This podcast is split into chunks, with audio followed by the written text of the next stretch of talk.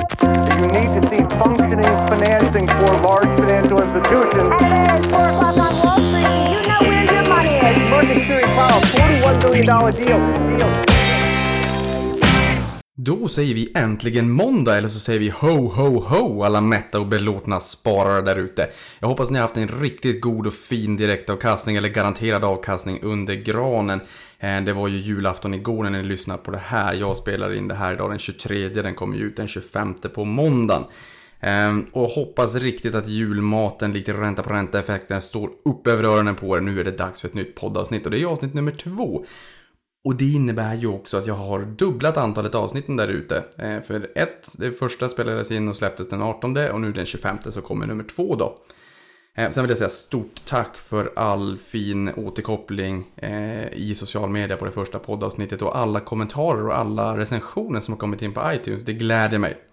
Kan säga som så här, jag befinner mig uppe i Boden, här är riktigt, riktigt mycket snö och eh, när jag bilade upp, för det gjorde jag, det var ohyggligt dyrt faktiskt att flyga upp.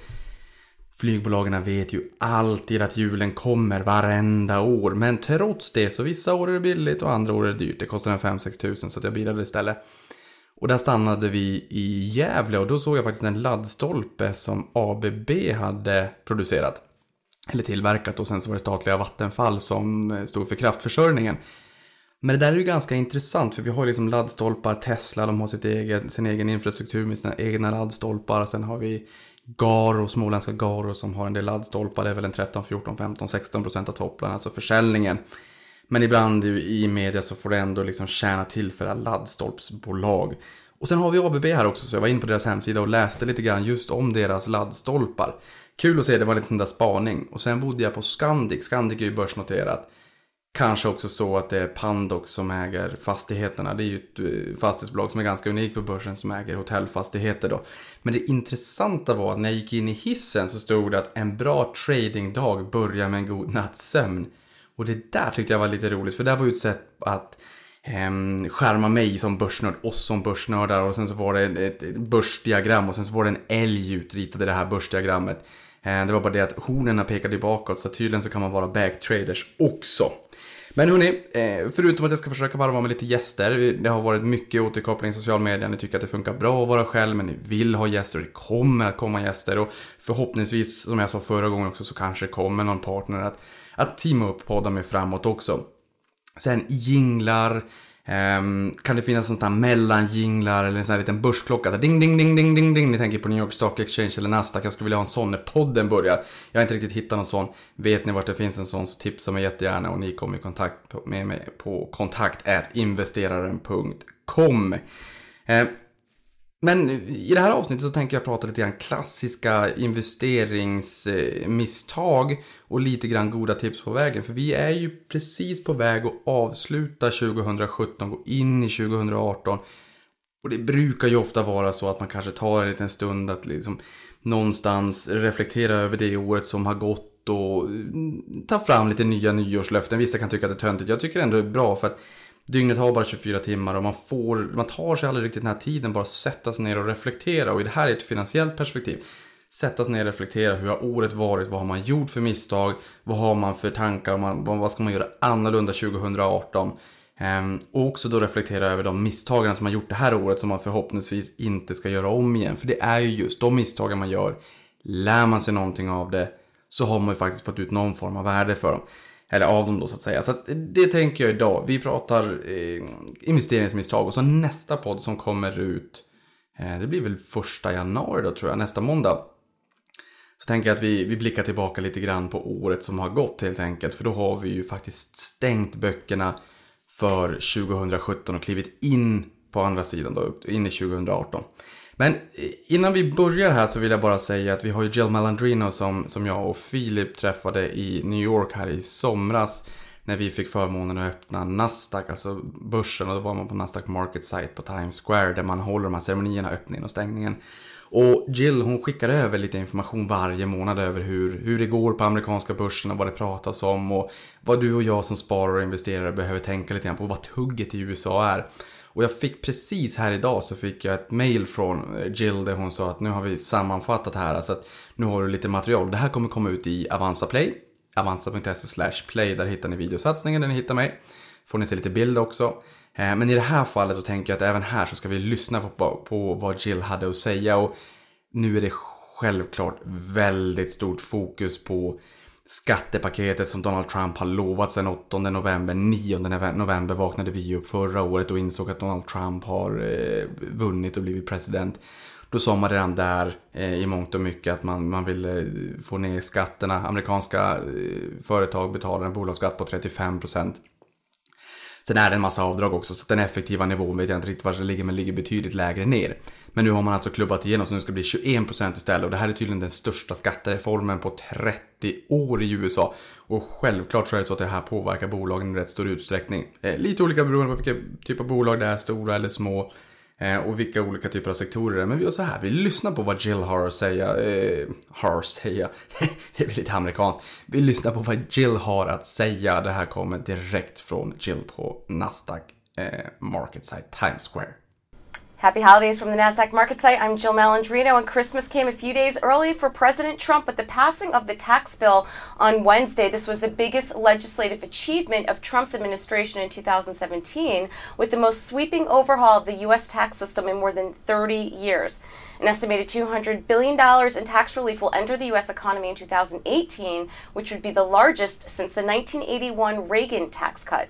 Some investors expected the bill of the passage of the bill to be a sell the news kind of event, yet the market is trading at all time highs. So while the tax bill was a convenient excuse to justify the run up in stocks, I would argue that an improved economy and strong corporate earnings are truly the fundamentals behind the run in US equities this year. Companies are flush with cash and I think that will lead to increased buybacks and dividends, M&A activity and investment in R&D because there's finally some clarity around taxes and how that will impact the balance sheet and clearly this bill is a huge bonus for corporate America.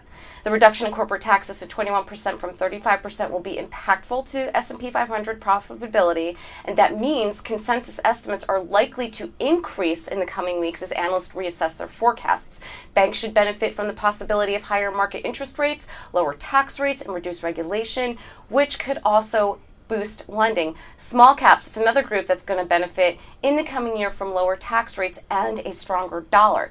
Now, this market has been characterized by cautious optimism, and the handoff from monetary stimulus to a fiscal stimulus could potentially be a tricky one. However, with major equity indices hitting historical highs, investors seem increasingly confident in the growth prospects from U.S. companies. Now, while prices in 2017 were supported by improving fundamentals and expectations for fiscal stimulus, stock markets in 2018 are likely to hinge on the successful implementation of the new tax policy.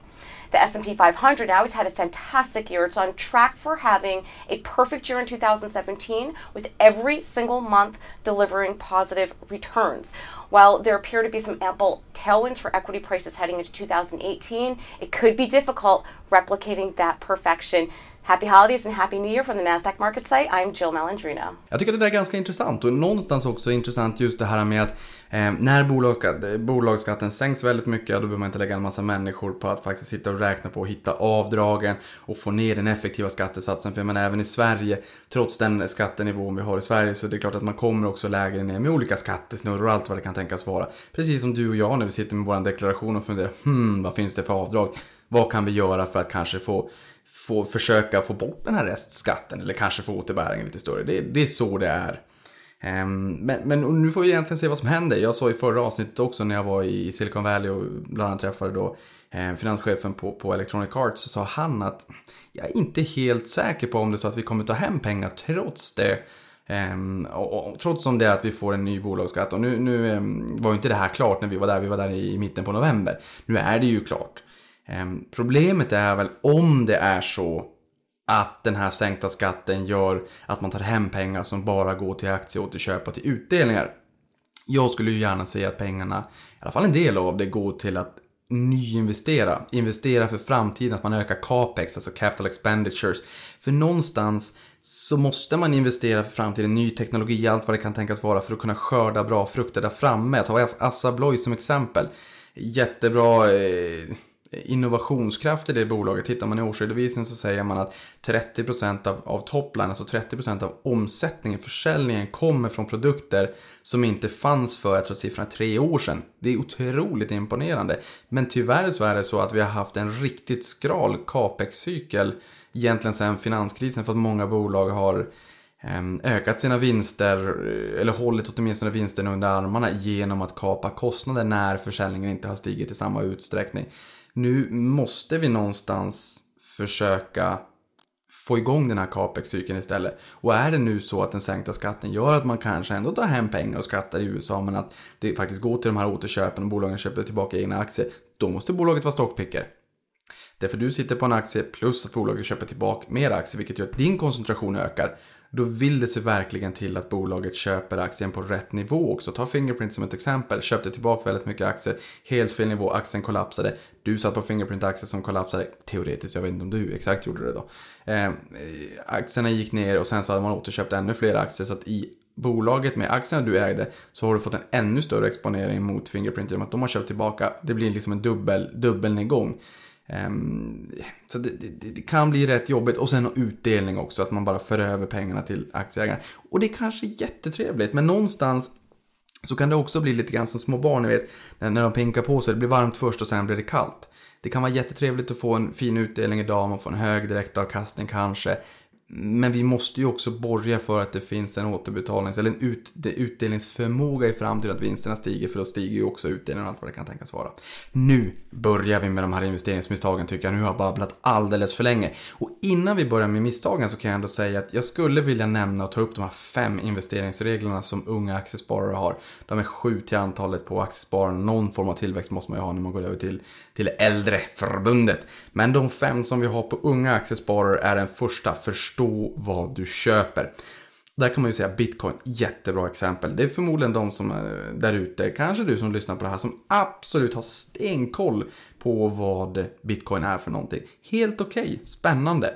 Eh, det bygger ju på en rätt spännande teknologi. Jag förstår det inte riktigt och jag tror att väldigt många som köper det här inte riktigt förstår vad det är för någonting. Och det där blir jobbigt. För ser man någonting stiga väldigt mycket, man ser grannar och vänner tjäna mycket pengar på någonting. Men man vill ju inte missa det där tåget och då köper man också. Men sen när det börjar gå ner får man lite ont i magen. Den magonda känslan behöver du inte ha ifall du har köpt en tillgång. Kan det vara en råvara eller vad den kan tänkas vara om vi ska ta andra tillgångslag. Förutom aktier så har vi ju räntor och valutor och råvaror och hedgefonder och ja, allt möjligt egentligen. Men jag fokuserar ju på aktier i det här fallet. Och har man då aktier, ja, eller fonder också ska vi väl säga då inom citationstecken om ni hade sett om ni hade stått här bredvid mig. Jag gillar fonder också men jag är riktigt aktienörd. Ehm, och är det så att man köper aktier som man är bekväm med, det är helt okej. Okay. Då kommer man sova mer tryggt om natten. Men är det så att man köper någonting annat där man inte riktigt vet vad det är för någonting, då kommer det ju väldigt ont när det börjar gå ner. Claes Enberg på Avanza sa att eh, snittkunden har förlorat 26 000 på bitcoin. Det är inte det jag vill höra. Jag blir otroligt besviken när jag hör det där, för det är så lätt att försöka undvika det med några gyllene regler. Eh, bland annat då den här förstå vad du köper är en av dem. Eh, men sen också sprida på riskerna. Därför det är ju inte roligt för de som bara sitter i bitcoin. Nu kan ni tänka er, jaha, hör du Niklas, bitcoin har gått upp är oerhört mycket. Nu vet du inte riktigt vad du pratar om. Ja, det har det. Men problemet är att svansen av människor har kommit på slutet när bitcoin har gått upp infernaliskt mycket. Mig veterligen så låg den väl på 1000 dollar i inledningen av året och var uppe och sväng på 20 000 dollar på bitcoin. På slutet, när det går upp sådär mycket, där lockar det till sig väldigt mycket människor. Vilket gör sen att det behöver bara gå ner lite grann för att det är väldigt många som ska bränna sig. Men sen eh, sprid risken. Vi aktiespararna brukar säga köp en 10-15 aktier i 5-6 olika branscher. Också jättebra tips. Eh, för att är det så att du bara har en aktie så har du en oerhörd bolagsrisk. Men det räcker med, det kan vara världens finaste bolag. Men det kan vara så att eh, böckerna är kokade eller att det är någon, ja, någon form av bokföringsskandal eller bara, vad än det kan tänkas vara. Eller att någonting händer, och bolaget går konkurs, då har alla pengar borta. Så det, det viktiga där, sprid risken, 10-15 bolag passar jättebra. En smal fond hos ett fondbolag kommer nog förmodligen ha 20-25 aktier. Medan en bred aktiefond kommer nog ligga på en 120-130 aktier ungefär. Och sen till fem, eh, någonstans fem till sex olika branscher. Och det jag menar där, det är inte så att du har gjort din hemläxa om du sitter med 15 stycken oljebolag. Eller 15 stycken flygbolag. Eller för den delen, 7 oljebolag och 8 flygbolag. Därför sitter du bara på oljebolag, de påverkas ju positivt och negativt av samma faktorer, upp och nedåtgående oljepris och allt vad det kan tänkas vara. Flygbolagen, bolagen, ja, de påverkas ju såklart både av resetrender så att säga, men även av, av flygbränslet. Och har du en kombination av flygbolag och oljebolag, ja men då kommer när en går upp så går den andra ner. Eh, lite förenklat. Så att sprid på risken. Sen håll dig informerad. Det behöver inte vara så att man behöver köpa en, ett knippe aktier och sen hela tiden bevaka det här minutiöst. Inte alls. Men försök åtminstone hålla dig någorlunda informerad vad som händer där ute. Är det så att man har köpt Hennes Mauritz och alla slutar handla kläder, ja men då ska man inte sitta med den aktien. Nu såklart, ni, ni förstår att jag raljerar lite grann. Ehm, spara långsiktigt. Det här behöver inte vara så att alla vill spara långsiktigt. Vissa kanske vill trade eller kanske bara tycker att man vill göra korta affärer för att det är lite spännande eller vad det kan tänkas vara. Jag är och kommer alltid att vara en långsiktig investerare. Det är mycket lättare att vara långsiktig om du bestämmer från början att du ska vara långsiktig. Spara långsiktigt. Eh, de absolut finaste eh, portföljerna har genererats när man har tillåtit portföljen att faktiskt vara långsiktig och spara över tid. Och sen spara regelbundet.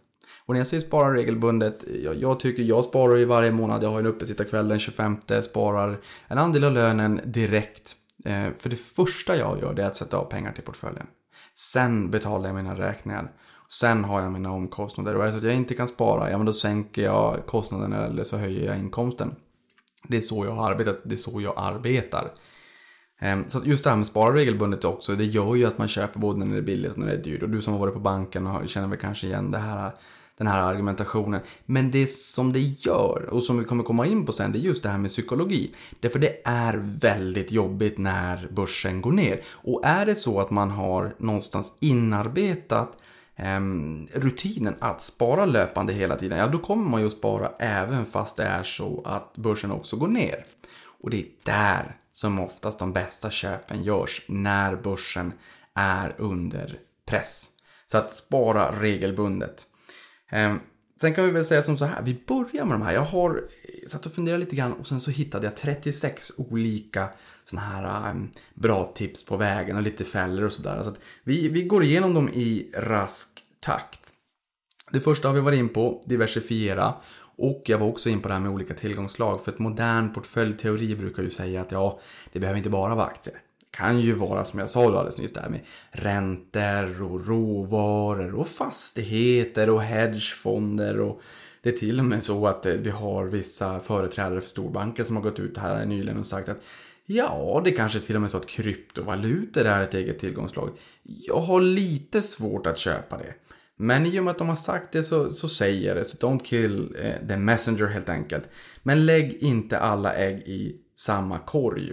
Och just det här med de olika tillgångslagen. Det fina är ju att om man har olika tillgångslag, alltså inte bara aktier med, med de här 10-15 aktierna i 5-6 olika branscher, utan även de här andra tillgångslagen jag nämnde, de rör sig inte likadant vid samma givna tillfälle. Man brukar prata om korrelation. Hur har exempelvis fastighetspriser och eh, aktier rört sig historiskt? Har de samvarierat väldigt mycket? Eller kan det vara så att vi ser ett litet mönster att när någon går upp så kan någon annan gå ner och vice versa? Därför kan det vara bra åtminstone att titta på och fundera kring, ska jag ha andra tillgångslag? Men glöm i alla fall inte riskspridningen. Sen just det här förstå vad du köper, ehm, du sover bättre om natten. Och det där kan jag tycka själv också. Är det så att jag har ett bolag som jag äger i portföljen, som jag vet varför jag äger det och som jag vet är, vad är värdedrivande i det här fallet. Då spelar det så att säga ingen roll om det är stökigt i omvärlden, om marknadssentimentet är surt eller om någon annan kommer och säger till mig, det där skulle du absolut inte äga, hur, kan du, hur tänker du nu? Det där skulle jag aldrig äga, jag har gått ner 20%. Ja men det kan ju bero på antingen att marknadssentimentet då är surt eller liksom att ja, det, det, aktier out of fashion, det händer till och från. Jag vill liksom inte gå in på alla anledningar till varför det kan hända för det kommer längre ner på den här listan.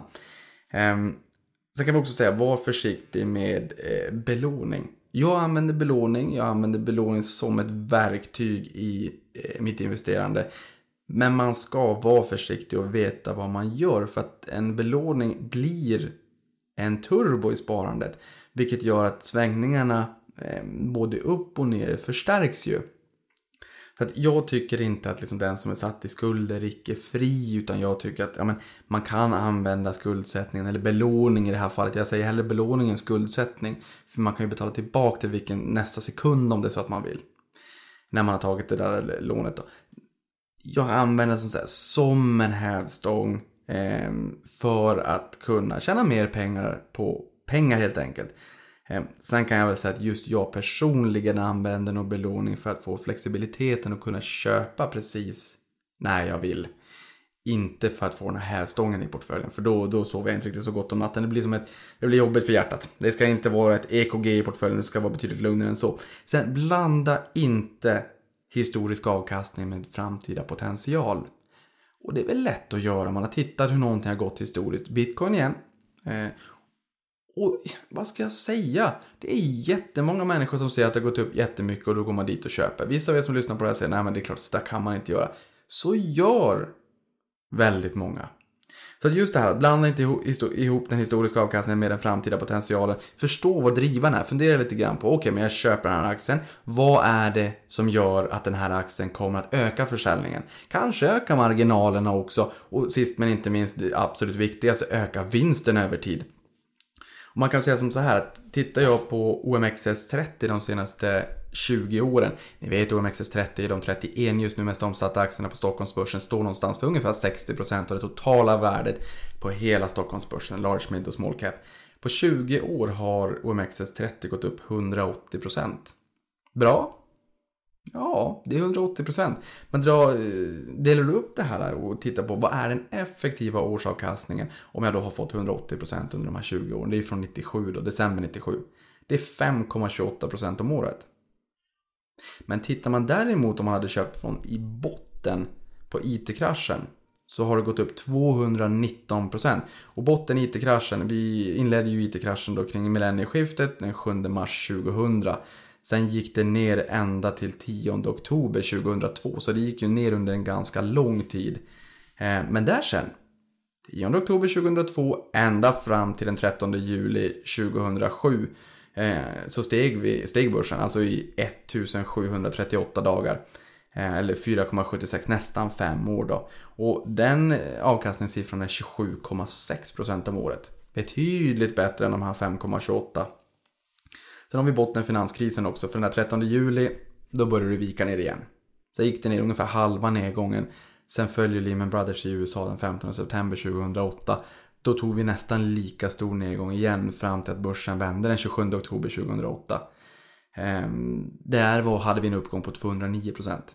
Och det var på 2374 dagar då eller 6,5 år, då är uppgången nästan 19 procent. 18,9 procent om året.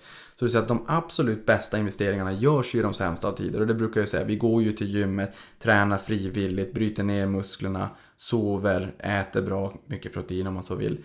Ehm, så bygger man ju upp en ökad muskelmassa och det är ju samma sak att om man då investerar i de sämre tiderna så bygger man ju också upp förmodligen och förhoppningsvis en ökad finansiell muskelmassa. Det är ju det vi har sett historiskt att vi, efter sämre tider så kommer det väldigt bra tider. Jag menar, om någonting går ner i 50% då ska det upp 100% för att vara tillbaka på, på samma nivå. Sen kan ju någon också tycka, jaha, jo, jo, visst, men om jag har alla mina pengar i portföljen då och sen går det ner jättemycket, vad gör jag då?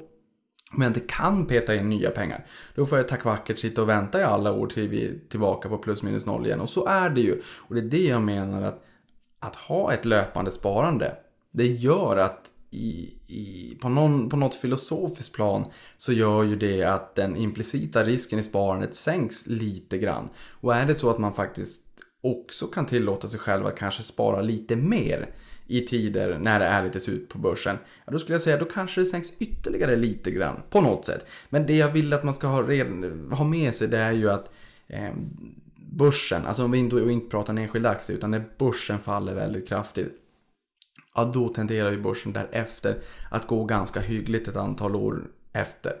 Så att när det är som surast på börsen, kom ihåg det också. För det kommer att vara jobbiga tider på börsen. Så när vi upprättar investeringsregler och försök hålla det till dem och utveckla dem över tid. Och investeringsregler, någonstans bara vi kan ta ett brett begrepp. Så hur mycket ska jag spara varje månad? Kan jag ta ut pengarna eller inte? Vad har jag för tidshorisont? Tycker jag att det här är roligt? Eh, när gör det ont i magen? Eh, vilken typ av bolag får jag köpa? Måste de ha utdelning eller inte? Ska jag återinvestera den här utdelningen? Eh, så att, ha reglerna klara för dig från första början och hur många bolag du ska ha i portföljen och så att inget bolag får vara, bli 50% av portföljen. Försök sätta regler och håll dig verkligen till de här reglerna för det blir så mycket enklare. Speciellt när det kommer till investeringar. Är det så att du har regler för träning och allt vad det kan tänkas vara och du tummar på det där. Okej, okay. men försök att inte tumma på det när det kommer till börsen och till investeringar. För att jag tror innerligt att det kommer gynna dig att ha regler och hålla dig till dem över tid. Sen våga göra misstag och lära av de här misstagen. Det är ett citat som Warren Buffett ska ha sagt. Learn from your losses. You paid for them. Och är det så att man då gör misstag, fine. Alla kommer göra misstag. Alla har gjort misstag. Förmodligen eh, är det så att om du är en erfaren investerare så har du förmodligen gjort de flesta misstagen i skolboken. Men lär du dig någonting av det och inser att ja, men då tänker inte jag göra samma misstag nästa gång. Då har du ju någonstans fått en valuta för pengarna. Och det bästa är ju att du gör misstagen i början av din investerade karriär. För är det så att du gör dem när du börjar närma dig pensionen, om vi säger då att man, att man sparar under livet och sen ska få en guldkant på tillvaron den dagen man faktiskt lämnar yrkes, eh, sitt yrkesverksamma liv. Är det inte roligt att göra en riktig nit där. För då kommer kapitalet vara betydligt mycket större än vad det är idag. För det kan jag nästan säga med, med all säkerhet. Att din portfölj, du som lyssnar på det här, den kommer vara större imorgon än vad den är idag Eh, bildligt talat. Den kommer vara större om 5, 10, 15, 20 år än vad den är idag. Speciellt om vi börjar titta på så lång sikt för då börjar verkligen ränta på ränta-effekten kicka in på, på allvar. Sen tycker jag också att man ska ta alla analyser med en eh, nypa salt. Börja med att fråga dig, vem är det som har skrivit den här analysen? Jag har ett bra exempel, min kollega Gabriel Iskander på Börsveckan som är chefredaktör där. När han, han skrev en krönika i Börsveckan här för en tid sedan där han pratade just om uppdragsanalys och hur populärt det har blivit. Problemet är ju att i, när det kommer till uppdragsanalys så är det ofta bolagen som betalar en analysfirma för att göra den här analysen. Och då kommer man också fråga sig, jaha, ska man betala en bra slant pengar för en analys som renderar i toksälj? Ja, det gör man ju förmodligen inte. Och sen är det också så här att de analytikerna som säger köp eller sälj eller behåll eller vad det kan tänkas vara på en aktie. Ja, de har ju ofta spann liksom i procentuella termer. Om den kan stiga mer än 20% då är det köp. Mer än 30 eller 40% ja men då är det conviction buy eller starkt köp. Nu, nu raljerar jag bara, jag tror inte, ah, inte 40% det är nästan oseriöst. Men, men kanske 20% plus då kanske det är conviction buy. Eh, men man kan ju fråga sig också så här, vad, vad innebär ett köp eller behåll eller sälj? Och är det så att man går ut, Ehm, så att SEB går ut och säger att ja, men vi justerar ner kursen på det här bolaget som står i 170 kronor till 165. Det är ju, det är ju nickenyhet egentligen, kan jag tycka. Eh, och kolla också på vilken horisont man ger de här råden. Är det på tre månaders sikt eller sex månaders sikt? Eller om, om det är så att ehm, om det är så att du är långsiktig. Jag menar i mitt fall, jag kommer nog förmodligen ha mina bolag i 30-40 år. Jag kommer ju vara på buy side i 30 år till. Det är inte så att jag eller mina vänner runt omkring kommer komma ihåg värderingen på Assa Abloy om 30 år. Eh, och det kan ju vara så att den här analytiken är väldigt eh, pro ett bolag på lång sikt. Men tycker att i det korta perspektivet så har den här aktien sprungit väldigt mycket det senaste kvartalet. Så att nu säger vi behåll istället för köp. Och det kanske är så att aktien har växt in i den riktkursen som man hade för ett halvår sedan eller ett kvartal sedan och därför drar man ner det till behåll. Och sen så ska folk ut och sälja för att usch nu var det inte köp längre, nu var det behåll. Eh, som sagt, ta den med en nypa salt och som Per och Börjesson på Spiltan brukar säga, kartaget är finansbranschens modermjölk. Eh, bara så att vi kommer ihåg det här. Det är ofta jag ser att eh, vissa aktörer kan gå ut och säga att nu ska vi sälja det här. Och sen några månader senare de nej men nu kan man köpa. Och så här, jag har ju suttit still och jag har ju tjänat pengar på det här. Så att, eh, sen blir det ju inte alltid så. Men försök hitta bra bolag och, och sen så kan du liksom äga dem långsiktigt och köpa i dem. Om det är det som är din strategi. Man, det finns lika många investeringsfilosofier som vad det finns investerare.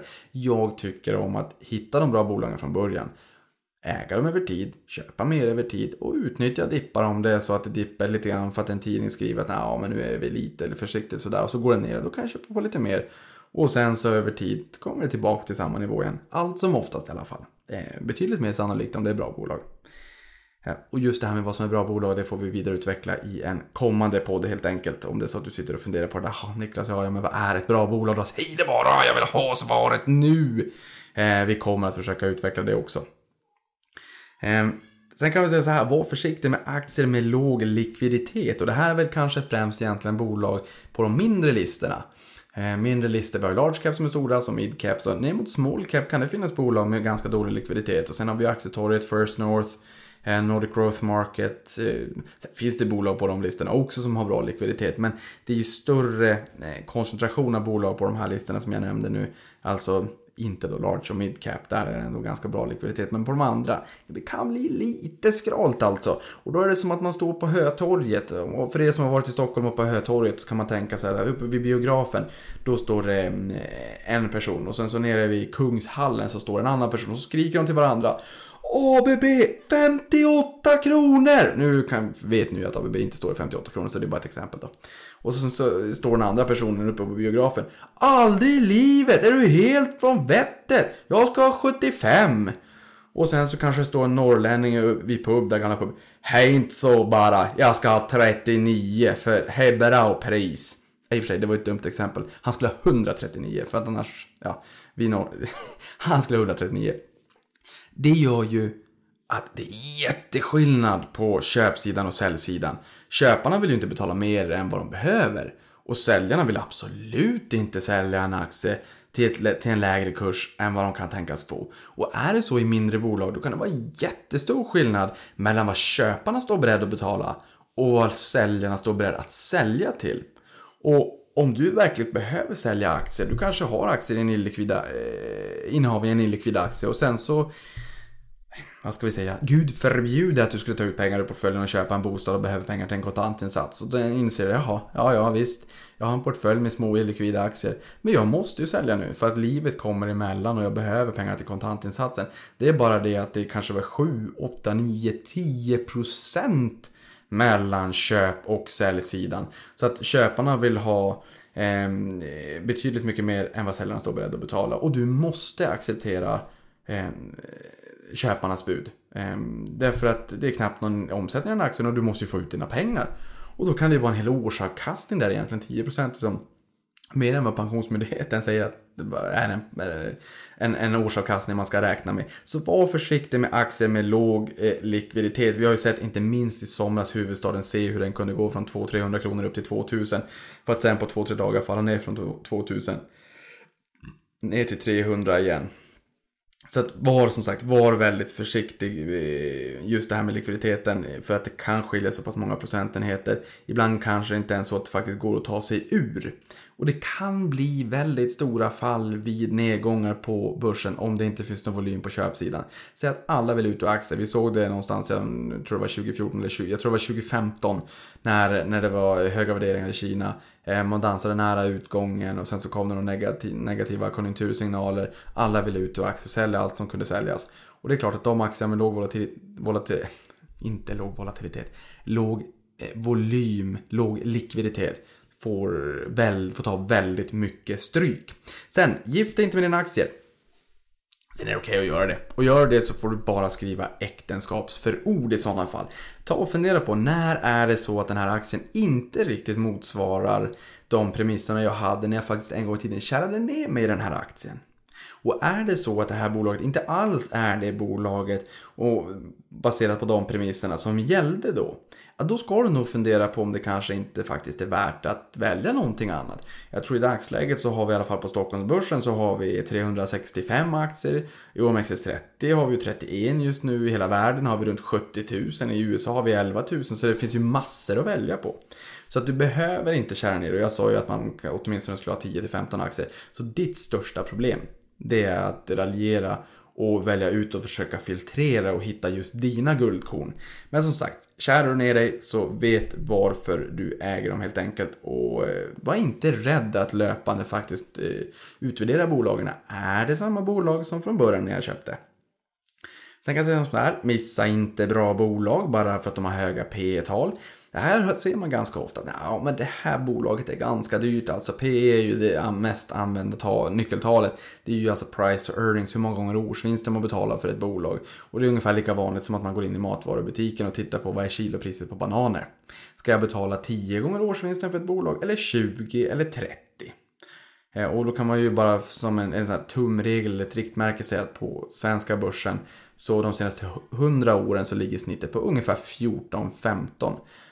Sen kan man ju fundera på hur mycket, hur, hur relevant 100-årssnittet är för, för dagens börsbolag så att säga. Men där har man i alla fall en, ett riktmärke. Och idag ligger vi över det på börsen. Men är det så att bolagen har en fin vinsttillväxt, då är det ju som att köpa en för stor kavaj, sätta sig på den här goda buffén och sen äter man.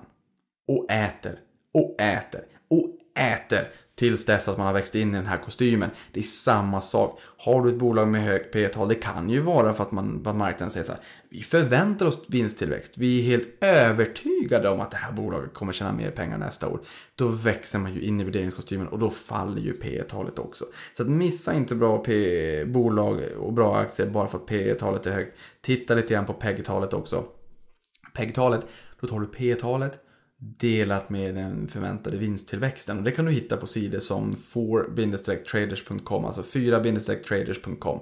De har data från Thomson Reuters, så kan du se estimaten där. Eh, sen tycker jag också att man ska fundera kring vilken tidshorisont man har. Är du långsiktig eller kortsiktig? Gör inte en kort affär till en lång affär bara för att den gick åt fel håll då, så att säga och började snitta ner dig. För någonstans vänder jag, snittar ner mig, jag köper billigare, jag får lägre gav, alltså genomsnittligt anskaffningsvärde. Nej. Nej. Nej. Återigen, vi sa från början, du hade investeringsreglerna, håll dig till dina investeringsregler. Är det så att du är långsiktig, fine. Jag har inga problem att köpa mer aktier i bolag som jag tror på, det jag sover gott om natten, bara för att de viker och går ner. Jag kan absolut köpa på mig mer och jag tycker att i det fallet kanske att jag har en annan syn på bolaget än vad marknaden har. Sen ska vi också komma ihåg att marknaden är en drama queen. Eh, vi reagerar åt båda håll och är väldigt kortsiktig. Det är kvartalsekonomi och allt vad det är. Börsen kanske tittar på nästa kvartal och jag kanske tittar på nästa årtionde. Så att eh, det behöver inte vara några konstigheter att köpa bolag som bara för att de har fallit. Men gör inte en kort affär till en lång affär. Du kommer förmodligen att eh, skjuta dig själv i foten. Det är alldeles för många som gör det där. Och det, det, finns eh, någon form av citat som eh, Peter Lynch har skrivit en, i en bok. Eh, som Warren Buffett ringde upp till honom och frågade om han fick använda det. Han sa att eh, gör inte så att du klipper av de här fina rosorna i rabatten och vattnar ogräset. Istället, cut your losses short and let your profits run. Det är mycket bättre. Sen fastna inte i det dagliga mediebruset. Det är ett otroligt mediebrus där ute. Jag vet inte minst själv med terminalen och nyheter och Twitter. Man är lite grann en finansiell nyhetsjunkie men egentligen så är det ett otroligt stort mediebrus. Fråga dig själv. Behöver jag det här mediebruset? Det kan vara kul. Men är det så att jag behöver det för att göra bättre beslut i min förvaltning och i min portfölj? Adderar det extra avkastning? Det tror jag är en ganska bra fråga som man kan ställa sig lite grann. Och så att, eh, fundera kring vilka nyheter och vilken information som påverkar bolaget på den sikt som överensstämmer med din placeringshorisont. Är du extremt kortsiktig, då kommer de flesta eh, nyheterna och marknadssentiment och allt vad det kan tänkas vara. Och makrofaktorer såsom eh, inflation och eh, sysselsättning och, och, och, och eh, räntenivåer och sånt där. Det påverkar ju också. Så är du långsiktig, titta på de faktorerna som påverkar just ditt bolag. Sen Glöm inte om att rebalansera portföljen om viktningen förändras. För det är så att vissa aktier går ner i perioder och andra går upp. Eh, och vissa kanske står still och någon tokrusar. Och det gör ju också att den här eh, viktningen, liksom balansen i portföljen kommer ju se lite annorlunda ut. Det är ju egentligen bara, säg att du tar 100 000 kronor och sen så köper du 10 aktier och sätter 10 000 kronor per aktie säger vi då. Ja, det är ju egentligen bara dag noll innan börsen har öppnat om du nu köper, ja du måste köpa dem. Men det är egentligen bara från början som de här är värda 10 000 kronor styck. För så fort det börjar handla så kommer ju priserna fluktuera över tid. Eh, från klockan 9 på morgonen till 17.30 när börsen stänger åtminstone i Sverige. Ehm, och om någon har gått upp väldigt mycket då kommer det ju vara en sumobrottare på relingen på lite nek och det finns risk för att den kantrar. För är det så att det här bolaget som har gått upp jättemycket så att det kommer en katastrofdålig rapport eller att någonting händer eller att det går i konkurs. Och det här bolaget kanske väger 50% av din portfölj. Ja, då kommer ju halva din portfölj vara borta. Men hade det varit samma balans som från början, det vill säga 10 innehav, 10 000 i varje. Hade ett innehav, 10 000 kronor, konkursat, så 10 000 på dina 100 000 hade varit 10%. Smärtsam nedgång, men portföljen hade fortfarande varit kvar 90% av värdet. Glöm inte att rebalansera och gör du inte det, då har du gjort ett aktivt val och åtminstone har kvar balansen. Men då är det i alla fall ett aktivt val. Men se till att följa med hur dina vikter i portföljen ser ut. Vad har du som största innehav? Vad har du som minsta innehav? Så att eh, håll koll på det i alla fall. Sen vad har du för riskaversion? Nej, gör det ont i magen? Ha koll på det också. För jag skulle vilja säga att eh, jag har ju sagt att de, de bästa köpen oftast görs när det gör som ondast. Eh, och jag drog den där parallellen med, med gymmet. Men det här med investeringar handlar väldigt mycket om, om självdisciplin och om psykologi. Och om du bara vet när det gör ont i din mage så kommer det vara mycket enklare. För då känner du till dina svagheter och kan arbeta med dem. För att eh, det, det faktum och det som har gjort att jag har blivit framgångsrik i mitt sparande tror jag i alla fall. Sen kan man bli duktigare och duktigare och det, är, det blir man. Det är för att det här är ett livslångt spar, eh, sparande, det är det ju också. Ett livslångt lärande. Ju mer du lär dig, desto mer inser du att du inte kan. Det är som att simma djupare och djupare och djupare ut i den här simbassängen. Och du tar liksom för dig mer och mer och vill liksom lära dig mer. Och, ja. Man kommer aldrig så att, säga, att, att lära sig allt. Men genom att känna sig själv så kommer du att göra bättre investeringsbeslut och det kommer bli mindre psykologi och det kommer bli mindre ont i magen och mindre ogenomtänkta eh, beslut. Eh, vilket också kan vara som så att om en aktie faller så kan det nästan vara så ah, vad bra. För nu har jag ju köpt på med de här aktierna. Jag tycker de är jättefina. Men sen så rallade börsen jättemycket som den gjorde de första 7,5 veckorna 2015. Jag tjänade en, en årslön på 7,5 vecka. Eh, det var ju trevligt. Men samtidigt så får jag också ont i magen när jag inser att Hmm, det här bygger fallhöjd. Det var kul när det gick upp, men vi, mänskliga hjärnan är ganska, ganska snabb på att adaptera sig till nya förhållanden. Så att jag började ju räkna med, ja men nu har jag ju det här värdet i portföljen istället. Vilket också bygger fallhöjd. Och när det då vänder tillbaka, när det blir en korrektion. Vi kommer ihåg att toppen på OMXS30 1720,02 är fortfarande satt den 27 april 2015. Vi har varit nere över 30% sedan dess i och med Brexit när vi började handla 27 juni 2016. Där eh, vi fick ju två dagars nedgång i och med att vi då i Sverige var, hoppade runt som små grodor runt den här flaggstången Ehm, den 24 juni. Då gick börsen ner jättemycket. Så att sen den bottennivån, vi hade en bear market, vi var ner över 20% från toppnoteringen. Men från Brexit fram till idag så har börsen stigit väldigt mycket. Ehm, men som sagt, man ska ha koll på när det själv gör ont i magen för att du blir en bättre investerare genom att ha god självkontroll. Det är alla samura samurajer och allt möjligt vad det kan tänkas vara eller vilken träning det än handlar om. Självkontroll. Sen om du har fonder, ha koll på avgifter och ha koll på den historiska utvecklingen också. Gå in på KIDen, Key, Information, Key, eh, Key Investor Information Document eller det gamla fondfaktabladet då och se vilka avgifter och vilken utveckling fonden har haft mot sitt jämförelseindex. Och fundera också, är det här ett relevant jämförelseindex?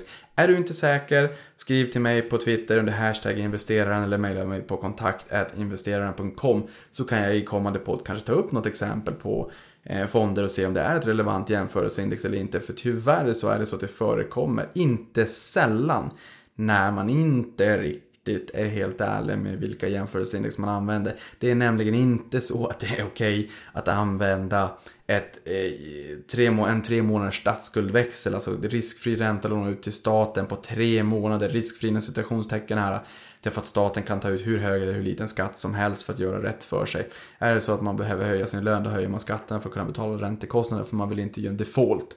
Man vill ju inte gå i bankerutt som Ryssland eller eh, Argentina gjorde 2002 eller Ryssland 98. Så att de kan ju, de har ju fri beskattningsrätt. De, nu vet inte jag, jag slänger mig med en term, ni som är politiskt bevandrade har ju bättre koll på den där. Eh, men det vill man liksom, det vill man verkligen inte göra. Så att ha koll på det här. För att, och, och sen kan det också vara så att man säger, ja, om jag slår en tre månaders statsskuldväxel med en börsexponering mot Stockholmsbörsen, då tar jag 20% över allting som, som är minus 0,20 eller 0,30 eller vad en statsskuldväxel ligger på. Det är absolut inte okej. Okay. Gå in på Morningstar också, för att man tittar på fondförvaltningsavgiften. Sen finns det en årlig avgift. Sen finns det en totalkostnadsandel, ett begrepp som har försvunnit lite grann i bruset de senaste åren, men det är ganska konstigt. Därför att fondförvaltningsavgiften, det är för att de ska göra sitt jobb, gå till jobbet och försöka generera en överavkastning när du har valt att investera i den här fonden. Eh, TR fanns det ett begrepp tidigare som är Total Expense Ratio. Då var det marknadsföring och legala kostnader och förvaringsinstitut och allt möjligt vad det kunde tänkas vara, administration och sådär. Och sen ovanpå det, TKA, totalkostnadsandelen, då ingick ju courtaget också. Där är det så att du har investerat i en aktiefond, ja men förvaltningsavgiften, det är ju för att de ska sköta förvaltningen. Men sen måste du ju också betala courtagekostnaderna. Det ingick i TKA. Det är inte sällan det är så att det är ganska stor diskrepans, alltså mellanskillnad, mellan fondens förvaltningsavgift som många kanske tror att man egentligen betalar i slutändan och TKA som man kan se på morningstar.se, bara söka upp fonder. Det är alltså den totala kostnaden, totala kostnadsuttaget. Och kom ihåg att på lång sikt, varje procentenhet gör en enormt stor skillnad. I mitt sparande, ta en procent till och lägg ut det på min tidshorisont så är det förmodligen mer pengar än vad jag kommer tjäna under hela mitt yrkesverksamma liv. Så att man förstår att det gör enormt stor skillnad över tid för varje procentenhet då. Sen, köp inte aktier bara för att de är billiga. Aktiekursen säger absolut ingenting om värderingen. Absolut ingenting om värderingen. Jag brukar ta ett sånt här exempel med glasskiosken. Att om jag köper två stycken GB glassbytter. GB glass är i och för sig börsnoterat via Unilever då, men eh, jättebra. Men jag har inte aktien i portföljen. Men skulle jag ha en, en aktiekiosk på Stureplan i Stockholm och så säger, säljer jag stora glassar och sen så tycker folk oh vad gott det här var. Och så, ja men det är jättebra för du kan bli aktieägare i min lilla glasskiosk här. Så kan du tjäna pengar medan jag står och säljer glass. Du kan tjäna pengar på mig. Du kan sätta dina pengar i arbete genom mig. Och det låter ju jättebra. Då kan jag göra som så att jag emitterar en miljard aktier och så säljer jag aktierna för en krona styck. Så köper en glass plus en aktie för 31 kronor. Och får jag alla de här en miljard aktierna sålda, ja då har ju jag tjänat en miljard kronor, fått in en miljard kronor, jag säljer alla aktier. En miljard kronor på två gla- eh, bytteglass. Ni förstår paradoxen, ni förstår liksom hur, hur löjligt det låter, men eh, trots att det låter löjligt så är det många som gör det här exemplet. Att om en aktie står väldigt högt, Warren Buffetts Berkshire Hathaway var uppe i 300 000 dollar i veckan. Och sen finns det öresaktier, de kanske man tycker är billiga, Warren Buffett tycker man är dyr. Nej, det säger absolut ingenting. Du kan dela en, en pizza eller en tårta i en del eller tusen delar. Det säger ingenting om, om värderingen. Värderingen, då tittar vi på P-talet. Hur många gånger årsvinsten betalar man för bolaget? Och då måste ju också bolaget ha en vinst. För alla bolag tjänar inte pengar. För två, tre år sedan när jag tittade på Stockholmsbörsen, eller jag tittade på alla aktier, inte bara Stockholmsbörsen, utan Eh, jag tittade även på First North och Nordic, Nordic Growth Market och Aktietorget. Av eh, då 700 bolag så var det ungefär hälften som tjänade pengar. Ehm, så att, eh, nej, oh, men i och för sig är det så här att aktien har, står i några ören. Det är en unken signal. Jag säger bara som det är. Inget bolag av, av eh, rang med självaktning kommer att vilja ha en aktie som kostar 2-3 öre. Kan ni tänka er själv i Stockholmsbörsens största bolag Atlas Copco handlas för 2 öre. Eller Investor i Wallenbergarnas affär, ska de handlas för 3-4 öre? Nej. Det är så här, eh, enough said. Ni, ni förstår vad jag menar. Jag tror också att ni håller med. Att du som sitter och lyssnar på det här håller med. Sen time in market eller market timing. Just det här att hoppa från tuva till tuva. Tjänar man jättemycket pengar på det? Fråga dig själv. Har du hoppat mellan tuvor under det här året och har du varje gång varit lyckosam? Eller är det så att du kanske har ibland lämnat börsen och sen så råkade det gå upp sådär?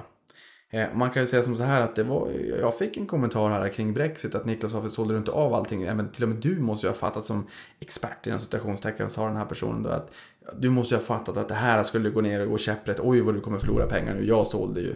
Jaha, två veckor senare så var vi tillbaka och nu är vi upp en 35-40% sen dess. Det är inte min typ av strategi att göra så. Jag är långsiktig, jag köper bra bolag, jag behåller dem långsiktigt, det spelar ingen roll om du stökar till på marknaden, jag utnyttjar marknadssvaghet. Och jag har belåningen för att kunna ha en flexibilitet i mitt sparande och köpa mer i tider när det går ner. För börsen tenderar att liksom inte få en sättning den 25 varje månad när lönen kommer. Och jag är ju beroende av den 25 för att bli oberoende av den 25 helt enkelt. Så att, eh, jag brukar lägga upp sådana här bilder ibland att har du missat de tio absolut bästa dagarna senaste 10 åren eller senaste 20 åren så, är så gör det så här stor skillnad på avkastning och det är ganska stor skillnad. Jaha, vän av ordning brukar säga då, hmm, hmm, hmm, Niklas, om du hade missat de tio sämsta dagarna, Absolut, då hade jag ju varit stenrik. Men då kastar jag tillbaka frågan. Hur vet du vilka dagar på 10 år, det vill säga 2 500 börsdagar, eller på 20 år, 5 000 börsdagar, som kommer vara de sämsta? Och hur kan du hoppa ut då? För du måste ju både vara rätt när du säljer, innan en stor nedgång då, Och sen så måste du köpa tillbaka på botten. Det är två korrekta beslut som ska göras. Istället för att bara ligga långsiktig. Köpa mer när det gör som ondast. Och när jag säger köpa mer när det gör som ondast, när börsen är svag.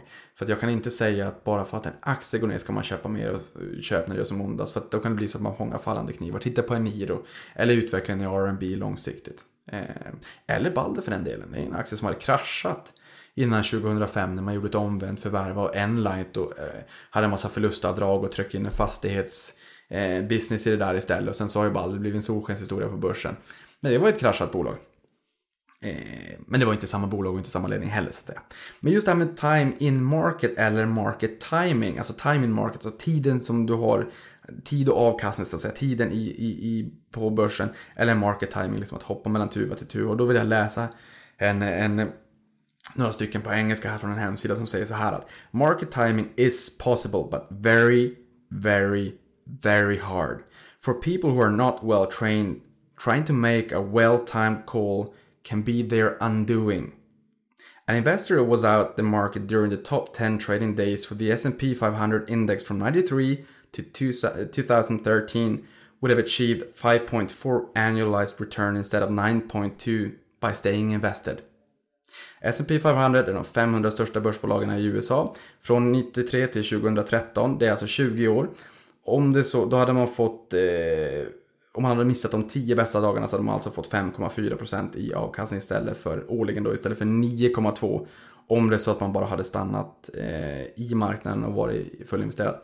Eh, sen behöver man inte alltid vara fullinvesterad för det är inga konstigheter att ha torrt krut vid sidan av en liten slant pengar. Man kan köpa lite mer om det faller lite grann.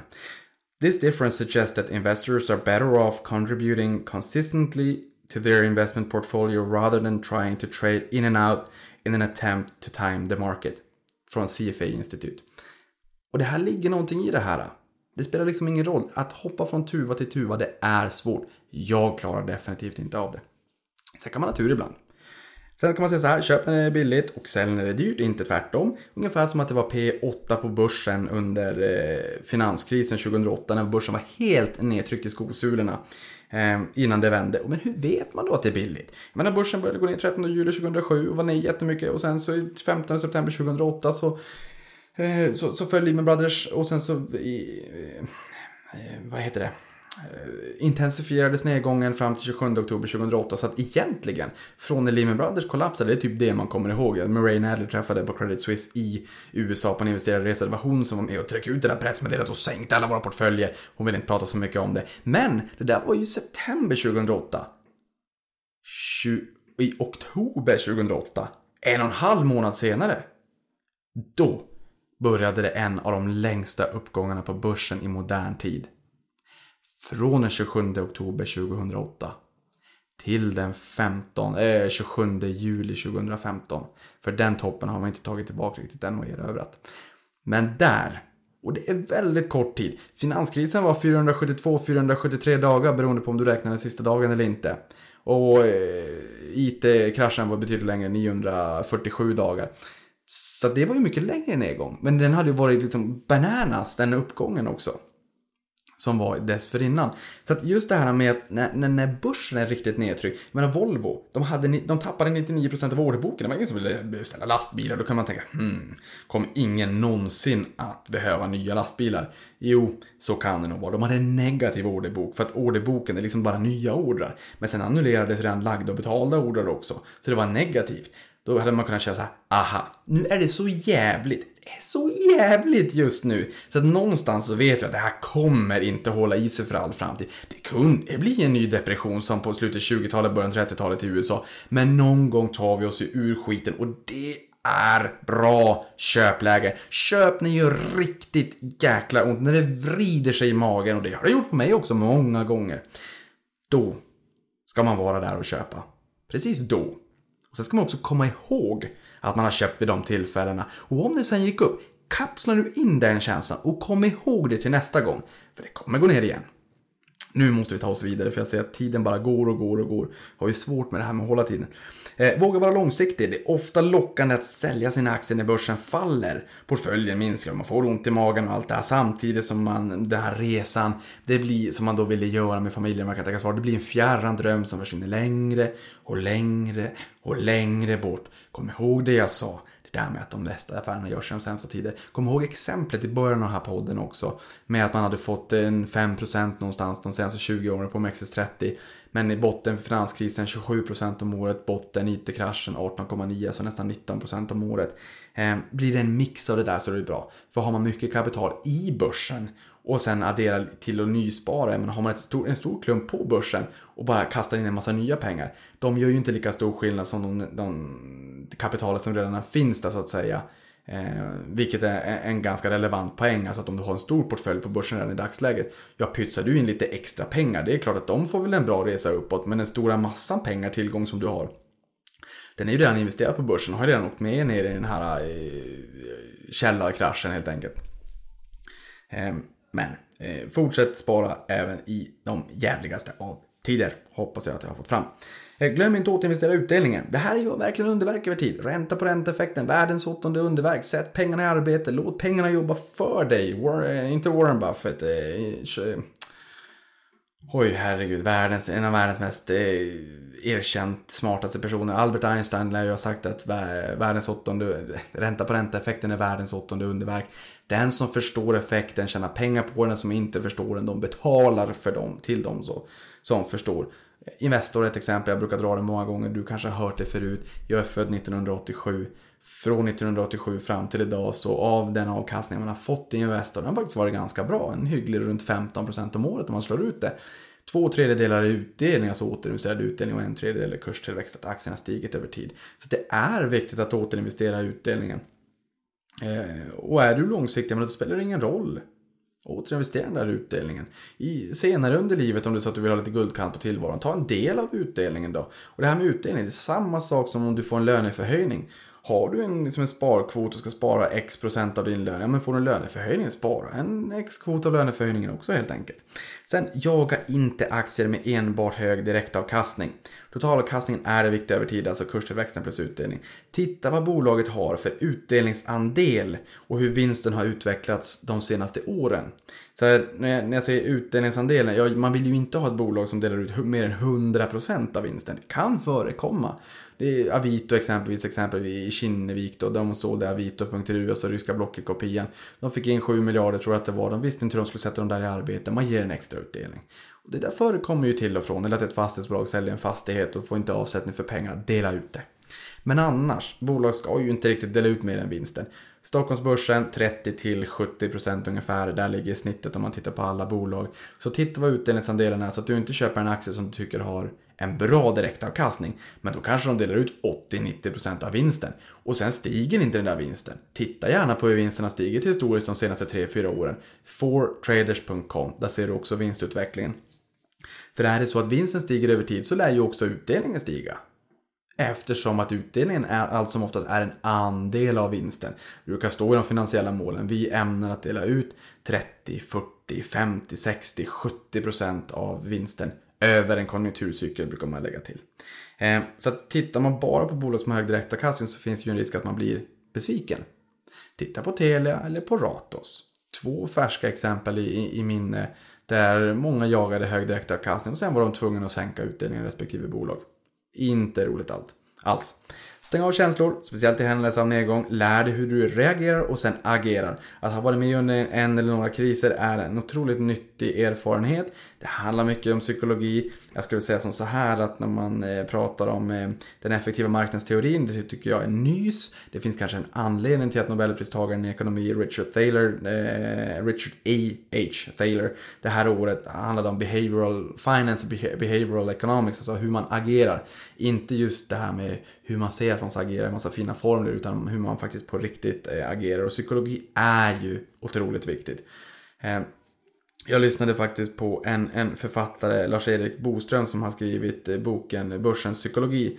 Där han bara drog ett exempel. Att vad händer om man tar två testgrupper och sen så sätter man, som då får i uppdrag att sätta en riktkurs på en aktie. Eh, som står i 100 kronor idag. Till ena gruppen säger man att den här aktien stod i 900 kronor för ett år sedan. Till andra gruppen så säger man att kursen var 20 kronor för, för eh, ett år sedan. Det kommer vara två helt olika utfall. För det här är lite grann anchoring, kanske sett i Solsidan också. Ehm, när Mickan sa att hon ville ha någonting som var jätte, jättedyrt men hon sa Oh, jag kan väl nöja mig med det här som är lite billigare. Det är väl inte roligt men jag kan väl nöja mig då. Och så var det egentligen den hon ville ha då från början. Eh, och sen den här finska, jag kommer inte ihåg vad han heter, och också eh, komikern som är väldigt rolig. Eh, han menar ju på att det där är anchoring, klassisk anchoring. Och det är samma sak här också. Det förekommer väldigt mycket i den psykologiska världen när det kommer till finans och psykologi. Det är samma sak som eh, Konken, Phoenix Outdoor. Jag har köpt Konken, eller ja, inte Konken-väskan utan jag har köpt Phoenix Outdoor. Jag ser den där Konken-väskan överallt och varje gång så tänker jag ju på Gud förbaskat jag ser den där överallt och jag vet ju med mig att jag ser den där överallt och det stör mig ju. Eh, därför att jag blir så himla biased bara för att jag har den i portföljen. Sen brukar jag tänka sekunden senare, ja just det, det där är ju gammal försäljning. Den där försäljningen har ju redan skett. Men det kan ju vara bra marknadsföring förvisso. Eh, Sen invänta inte break-even bara för att en aktie har sjunkit. Det finns flera andra hästar som kanske kan springa ännu snabbare framåt. Just där när man hör att ja, men jag köpte en aktie men den gick ner, men den går säkert tillbaka igen. Jag, jag, jag väntar tills den går till plus minus noll och då säljer jag. Ehm, det är ungefär samma som ibland jag har hört på banken när jag jobbade på storbanken. Folk som sa ja men om börsen går ner det gör ingenting för då betalar jag bara mindre skatt när jag säljer sen. på, på ett traditionellt eh, aktiefondkonto då. Ja, det är ju bara det att du får ju faktiskt behålla 70 öre av varje vinstkrona. Så att eh, faller det så, så, så gör det ju faktiskt ont även för dig. Sen underskatta aldrig ett bra bolags långsiktiga potential. Warren Buffett, Berkshire Hathaway har precis nått 300 000 dollar per aktie här i veckan. Långt över 2 miljoner procent sedan 1964 när han köpte det här bolaget. Eh, och vill du ha många bra exempel på, eh, på, på just det här hur det kan gå i bra bolag. Alltså för att få det exemplifierat, ett bolag som man kanske tycker att det här har gått jättemycket, 2, 3, 4 gånger kanske, 2, 3, 400 procent. Men det hade gått så här bra om man hade behållit det. Läs Peter Lynch bok One Up on Wall Street, en riktigt, riktigt bra bok. Eh, underskatta aldrig heller strukturell tillväxt, alltså att en hel bransch växer. Strukturell tillväxt idag, när jag var i Silicon Valley pratade de mycket om clouding, alltså molntjänster, Dropbox och Google Drive och OneDrive och allt vad det heter och e-handel och Internet of Things när allting ska vara uppkopplat. Typiskt klassiska eh, exempel på, på strukturell tillväxt. Sen, bara för att ett bolag har en bra produkt eller tjänst så betyder det inte per automatik att aktien är bra. Eh, läs på lite mer. Eh, sen har vi förlustaversion. Eh, om man inte har sålt så har man inte gjort en förlust. Eh, så jag snittar ner mig istället och hoppas att det vänder. Nej, nej, nej. Och jag var in på det tidigare. Nu går vi vidare. Fel pengar i depån. Ha bara pengar som du verkligen kan förlora. Klassisk klyscha. Oh, trött, man somnar nästan när man hör det. Men Gör som så att ha verkligen inte pengar i portföljen som du inte är beredd att förlora och sen hoppas man, man ju inte att man ska förlora dem så att säga. Men inte heller pengar som du kommer att nalla av den 24 för att det är för mycket månad kvar i slutet på lönen. Nej, inte. Då är det bättre att vara ärlig mot dig själv och faktiskt sätta av så pass mycket pengar som du vet att du inte kommer att behöva. Du är det största hotet mot din portföljs långsiktiga eh, framgångspotential. Helt klart. Glöm inte valutadimensionen när du handlar utländska aktier och var försiktig med yield cases i utländska värdepapper. När jag menar med det, det är just att om du tittar på bolag som har en fin direktavkastning, alltså utdelning i förhållande till aktiekursen då, ehm, på 6-8%, det kan man ändå anse vara ganska högt faktiskt. Och högre än det, då börjar man dra öronen åt sig och fundera på varför är det så högt. Ehm, det är ju en vettig direktavkastning, men att en valuta svänger 6-8% det är inte så konstigt. Och är det så att Eh, Eh, du har 8% i direktavkastning säger vi. Nu, nu, nu ångrar jag mig att jag sa 8 för det är lite högt man måste vara lite ansvarig här. Vi säger 6%. Eh, säg att du har en direktavkastning på 6% på en utländsk aktie eh, samtidigt som du då har svenska kronor, du växlar till amerikanska dollar. När du köper det här bolaget, du gör inte, mäklaren gör det åt dig per automatik. Ehm, och sen så vill du sälja det här, du har ju fått dina 6%. När du växlar tillbaka då, om det är så att eh, dollarn har försvagats mot den svenska kronan jättebra om du ska turista och åka iväg till USA och shoppa. Men inte lika bra när du har en amerikansk tillgång som är prissatt och handlas i dollar. Du säljer aktien och sen växlar det tillbaka till svenska kronor. Och då hade ju dollarn kanske gått ner 6%. Det är ju en plus minus noll affär. Det är inte så trevligt. Var försiktig med valutadimensionen. Följ inte strömmen blint. Eh, nu har jag sagt det här så många gånger att de bästa fan gör som jävligaste tid. Jag ber om ursäkt för att det kommer en gång till. Jag säger här att jag verkligen tjatar men det är för att jag tycker att det är så himla viktigt.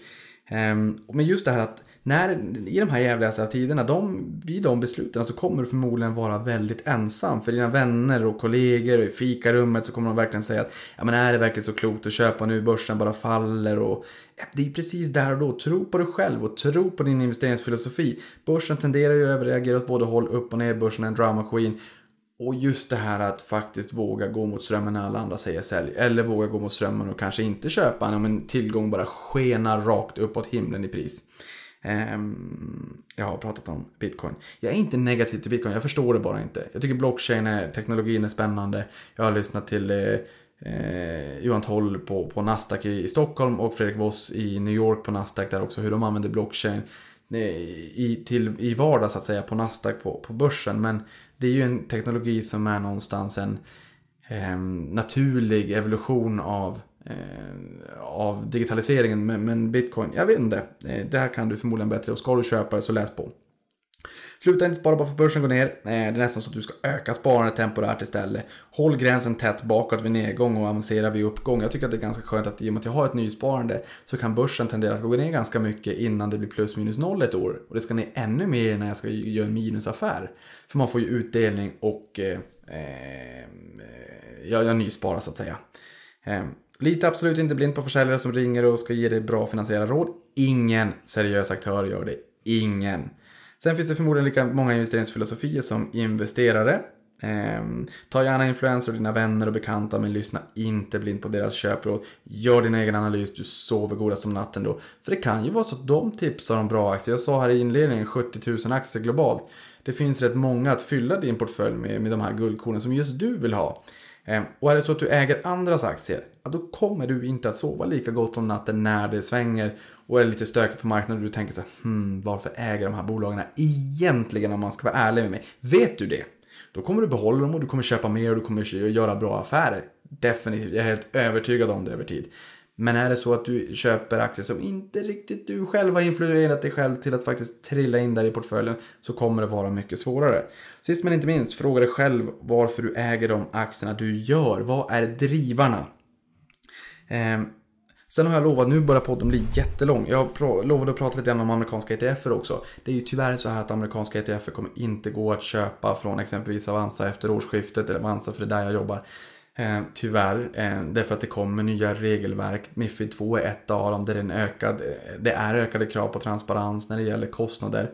Eh, vilket är jättebra för oss som konsumenter. Glöm inte att jag är sparare själv också. Det är bra. Men det finns ett antal, eh, tusentals, 2,5-3 tusen ETFer där ute i dagsläget. Som erbjuder en, en rik flora av investeringsalternativ. Men problemet är att för att kunna erbjuda de här så måste man också vara transparent och visa kostnaderna i olika led. Och de amerikanska aktörerna som har emitterat de här ETFen är ju inte riktigt så intresserade av det. För att retailkunder i Europa eller lilla Sverige det är en ganska liten del. Och sen så om vi ska handla de här, ja men då måste vi rapportera till Finansinspektionen när folk köper de här ETFerna. Och de i sin tur måste eh, vidare rapportera till eh, Europas motsvarighet ESMA när det är ETF som köps utanför EU men som investerar i bolag som finns i EU. Och det här blir så stor apparat så att det är rätt... Eh, samtidigt som bolagen är inte speciellt intresserade av att bistå med den här informationen för att vi retailkunder typ i Sverige ska kunna handla de här. Jag tycker det är jättetråkigt. Men det jag vill säga, för jag har svarat en del av er på Twitter men det är mycket lättare i det här formatet att prata in det istället. Det jag vill säga är att vi lägger oss inte platt och erkänner oss besegrade. Det ligger inte i vårt DNA och vi ska självklart göra det vi kan för att kunna antingen lösa problemet. Sen finns det europeiska ETF, de omfattas inte, de blir liksom redan compliant alltså, i och med att de verkar i EU. Eller att vi kanske kan ta fram något substitut som kanske kan vara bra, vettigt. För vi vill ju också ha det här. Glöm inte att vi som jobbar här är också sparare och investerare. Jag älskar ju den här rika floran av ETFer. Vi kommer att göra det vi kan, det lovar jag. Det lovar jag verkligen. Eh, sen nyhetssvepet, nu är vi så pass många minuter över timman, men jag drar det jättesnabbt för jag vill ju inte, jag tycker det gör ont i magen att kapa någonting. Vi kan säga som så här, Apple testar hjärtfrekvensmätaren i Apple Watch för att kunna implementera det i framtiden. Eh, eh, just nu så har man en vanlig hjärtmätare men det här nya ska mer likna ett EKG och kan bland annat upprätta, eller upptäcka då arytmi och det är alltså rubbningar i hjärtrytmen. Så här börjar man i större och större utsträckning gå in på just det här med hälsovård och hälsa och vi i väst så vi blir bara äldre och äldre. Det här är ett ganska spännande segment kan jag tycka att man börjar gå in lite, lite, lite mer på, på just det här med hälsa. Det är ett det är en stor adresserbar marknad och Apple de får in en massa data och sen sätter man lite AI på det här och sen så kan jag kan liksom bara spinna vidare i skallen på vad det här kan, kan leda till framåt. Och det är även så att man nyligen har startat en hjärtstudie tillsammans med Stanford-universitetet. Där var jag och gick i, när jag var i Silicon Valley. Jättefint. För att se eh, om klockan här och Apple Watch kan upptäcka förmaksflimmer i förtid. Eh, och det sägs ligga bakom ungefär 130 000 dödsfall per år. Sen har vi HQ, eh, Hagström och Kviberg. HQ har efter förlusten i domstol begärt sig själva i konkurs och avlistning från aktietorget där det skedde i fredags. Den här podden spelas in idag lördag 23 dagen innan eh, julafton och i fredags då den 22 december så eh, avnoterade man då HQ från aktietorget. Sen har vi Hennes som Mauritz, har haft det jobbet på börsen. De toppade ju den tredje eller femte, eh, femte mars 2015. Eh, och är, är ner långt över tusen dagar sedan dess. Eh, nu, nu startar man ett nytt varumärke, Slash Nighten tydligen då, inriktat mot millennials. Som kommer att säljas online och via pop-up evenemang. Och H&M säger sig ha tagit fasta på Alexander Bards tes om netokrati. Där konsumenterna är noga med trovärdighet, äkthet och personlighet. Så har vi Netflix som planerar att göra fler filmer nästa år än vad många stora studios gör tillsammans. Det intressanta här är att man planerar på att göra 80 filmer. Medan de sex största filmstudiosarna släppte 75 filmer tillsammans i år. För 10 år sedan var samma siffra 130. Jag tycker det är ganska intressant för går man in på Netflix, jag själv använder Netflix varje dag. Det är en otroligt bra kvalitet på Netflix original content. Det är ju inte så att de bara sprutar ut sig material bara för att. Jag tycker att kvaliteten är riktigt, riktigt vass. Sen har vi Boeing som bland annat tillverkar flygplan och kommer att investera närmare 2,5 miljarder kronor extra då tack vare de här sänkta bolagsskatterna i USA. Som nu klubbades igenom här, det är ju största skattereformen på 30 år i USA. Och aktien är, och det var det vi hörde Jill Malandrino i början också, där hon pratade mycket om just det här med, med vad som händer nu då med, med det här nya eh, skatteförslaget. Och aktien är faktiskt den som har stigit allra mest i Dow Jones Industrial Average i år med en uppgång på 94,6%. Så håller vi tummarna för en liten extra uppgång så kanske det blir en kursdubblare i år även i Dow Jones. Sen har vi Melker Schörling som avnoteras 19 januari efter att ha påkallat tvångsinlösen. De hade 99% av kapitalröster och har man över 90% av kapitalröster kan man på, eh, påkalla tvångsinlösen. Det vill säga att även om du säger nej så kan man ändå avnotera det här bolaget och lösa in de sista aktierna. Arkham är ju en sån, nej Elliot Capital är ju en sån aktör som en fond i, som brukar kunna gå in och ta stekar med Nordnet, eh, Axis och Arka med flera. Man går in och kniper 10% och blockar ett bolag som lägger ett bud på ett annat bolag från att faktiskt kunna köpa ut det här eh, bolaget eh, som är börsnoterat och som man vill eh, köpa eh, då blockar de det här utköpet och sen säger de att de här sista 10 procenten kan ni också få så att ni kan köpa ut bolag från börsen. Men då vill vi ha betydligt bättre betalt. Det är lite grann som att ta aktier i gisslan. Sen har vi Warren Buffetts bolag Berkshire Hathaway som nådde milstolpen att handlas över 300 000 dollar per A-aktie under veckan. Bolaget, jag har sagt det här tidigare nu under podden, köpte 64 av aktierna, aldrig splittat och Buffett äger 17% av bolaget. Sen har vi till eh, operatören amerikanska AT&T som höjde utdelningen med 2% och direktavkastningen just nu ligger kring 5%. Det här bolaget har höjt utdelningen i 34 år i rad och är således en utdelningsaristokrat. För det är man om man har höjt utdelningen minst 25 år i rad. Utdelningskung om man har höjt minst 50 år i rad. Sen har vi Carl Benett som tankar fler aktier i medicinteknikbolaget Arjo där han också sitter i styrelsen. Affären är värd 123 miljoner kronor och därefter äger han 20% av kapitalet. En stor ägare helt klart. Det här är ju ett tema för kommande avsnitt, ägare av kött och blod. Jag har lite stoff på det efter att ha pratat med Vegard Surrounded. Vegard Surrounded på Orden Fonder för de har tagit fram en sån lista. Så det kommer en podd eh, som fokuserar lite grann just på ägare av kött och blod. Eh, sen har vi vice ordförande i Ratos, Jan Söderberg, som har köpt 300 000 aktier för 10,7 miljoner kronor. Ratos har ju verkligen inte gått bra på senaste tiden, varken med Susanna Campbell eller med senaste vdn som fick gå på dagen. Eh, det här adderade han det här köpet om, till de 15 miljoner A-aktier och 1,75 miljoner B-aktier som han redan har i dagsläget. Och sen kan jag dela med mig av en kuriosa också att eh, Ratos betyder Ragnar och Torsten Söderberg och det här var barnbarn till grundaren av Söderberg och Haak som sen sedermera då blev Ratos. Så Ratos, nu kommer ni från och med nu tänka på Ragnar Torsten Söderberg.